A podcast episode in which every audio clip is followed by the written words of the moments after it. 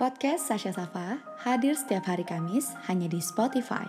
Podcast dengan segmen Diriku, Dirimu, Manusia berbicara mengenai cerita perjalanan, pikiran, dan pembelajaran kehidupan yang ada dalam keseharian dibaluti oleh pesan spesial untuk saling menyemangati dalam proses perkembangan individu. Jika kalian ingin memulai bercerita melalui podcast, kalian bisa menggunakan Anchor.fm sebagai sarana berkarya kalian secara gratis. Mari kita mulai.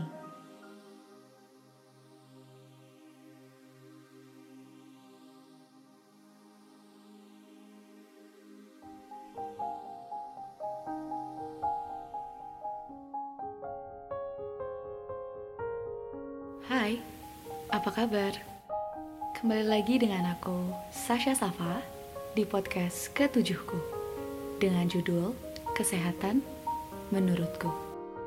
Selamat datang, selamat berkenalan denganku, selamat mendengarkan.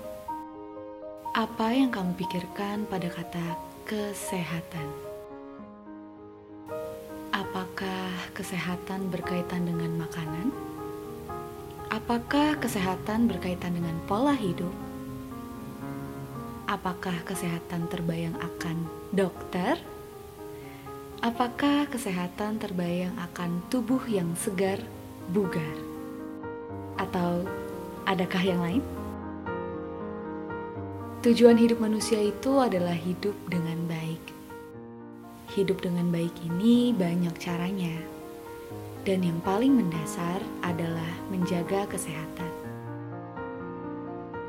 Seringkali kita mendengar kata-kata, "Yang penting sehat, dah bersyukur aja." Gimana? Sehat, semoga sehat selalu ya.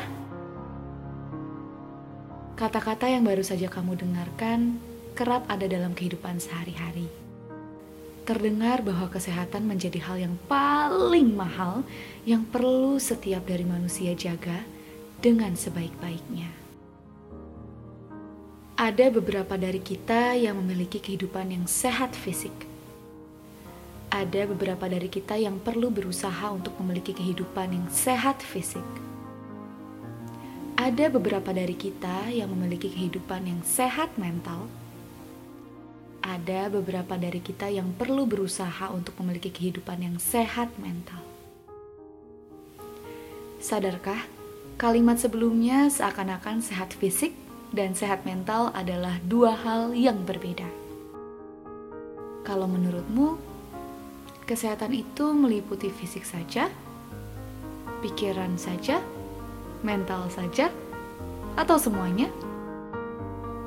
Coba dijawab. Jawabannya adalah semuanya, atau kita bisa sebut sebagai keduanya. Jawabannya adalah keduanya. Mengapa aku mengatakan keduanya? Karena ada suatu teori yang diutarakan oleh Descartes. Ia berpendapat bahwa kesehatan ini berbentuk dualisme. Dualisme yang dimaksud adalah pikiran bisa berinteraksi dengan tubuh Bentuk dualisme ini mengumpamakan pikiran dapat mengendalikan tubuh, tetapi tubuh juga dapat mempengaruhi pikiran. Oleh karena itulah, kesehatan itu meliputi dua hal, yakni sistem tubuh dan juga pikiran. Coba kita posisikan pada kejadian yang ada di sekitar kita saat ini. Sebagai contoh, banyak dari kita yang mengalami mah atau GERD Entah itu karena pola makan yang tidak teratur, tidur yang kurang, konsumsi makanan yang mengandung asam yang tinggi, atau lainnya.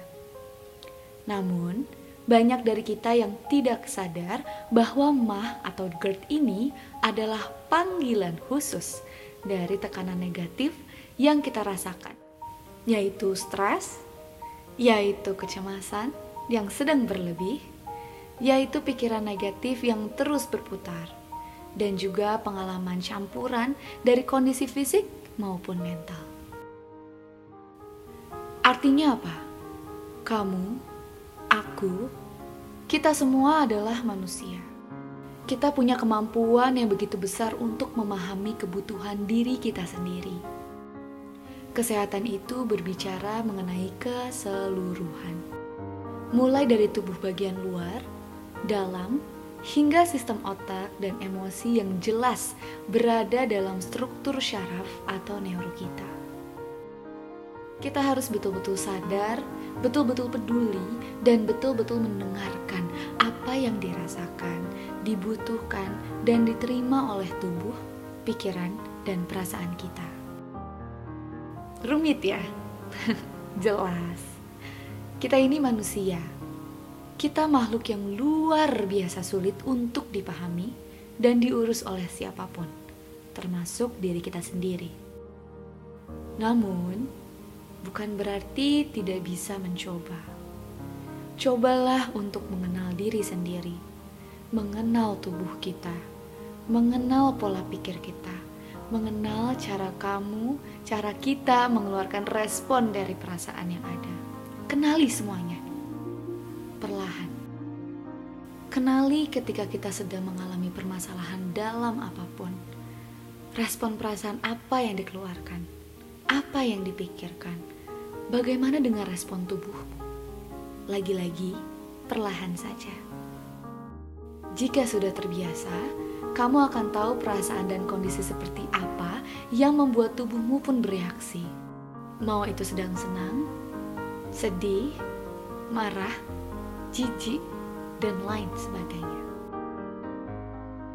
Sebelum aku mengakhiri podcast ini, aku ingin memberikanmu satu pembicaraan yang pernah diberikan oleh konselorku, yakni Kak Adi Chandra.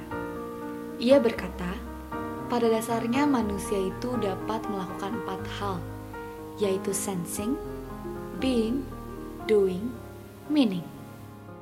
Sensing artinya merasakan, being artinya meresap apa yang dirasakan, doing merespon apa yang dirasakan, meaning mengartikan apa yang dirasakan dan direspon. Intinya, kenali tubuhmu, hatimu, dan pikiranmu agar sensing, being, doing, meaning ini dapat berjalan dengan semestinya dan dapat membuat dirimu lebih rasional dan tahu cara untuk berteman dengan apa pun yang terjadi. Tetap semangat, tetaplah hidup, tetap berjalan. Kamu itu berharga. Terima kasih telah mendengarkan podcastku. Semoga bermanfaat dan aku harap kamu tersenyum saat ini.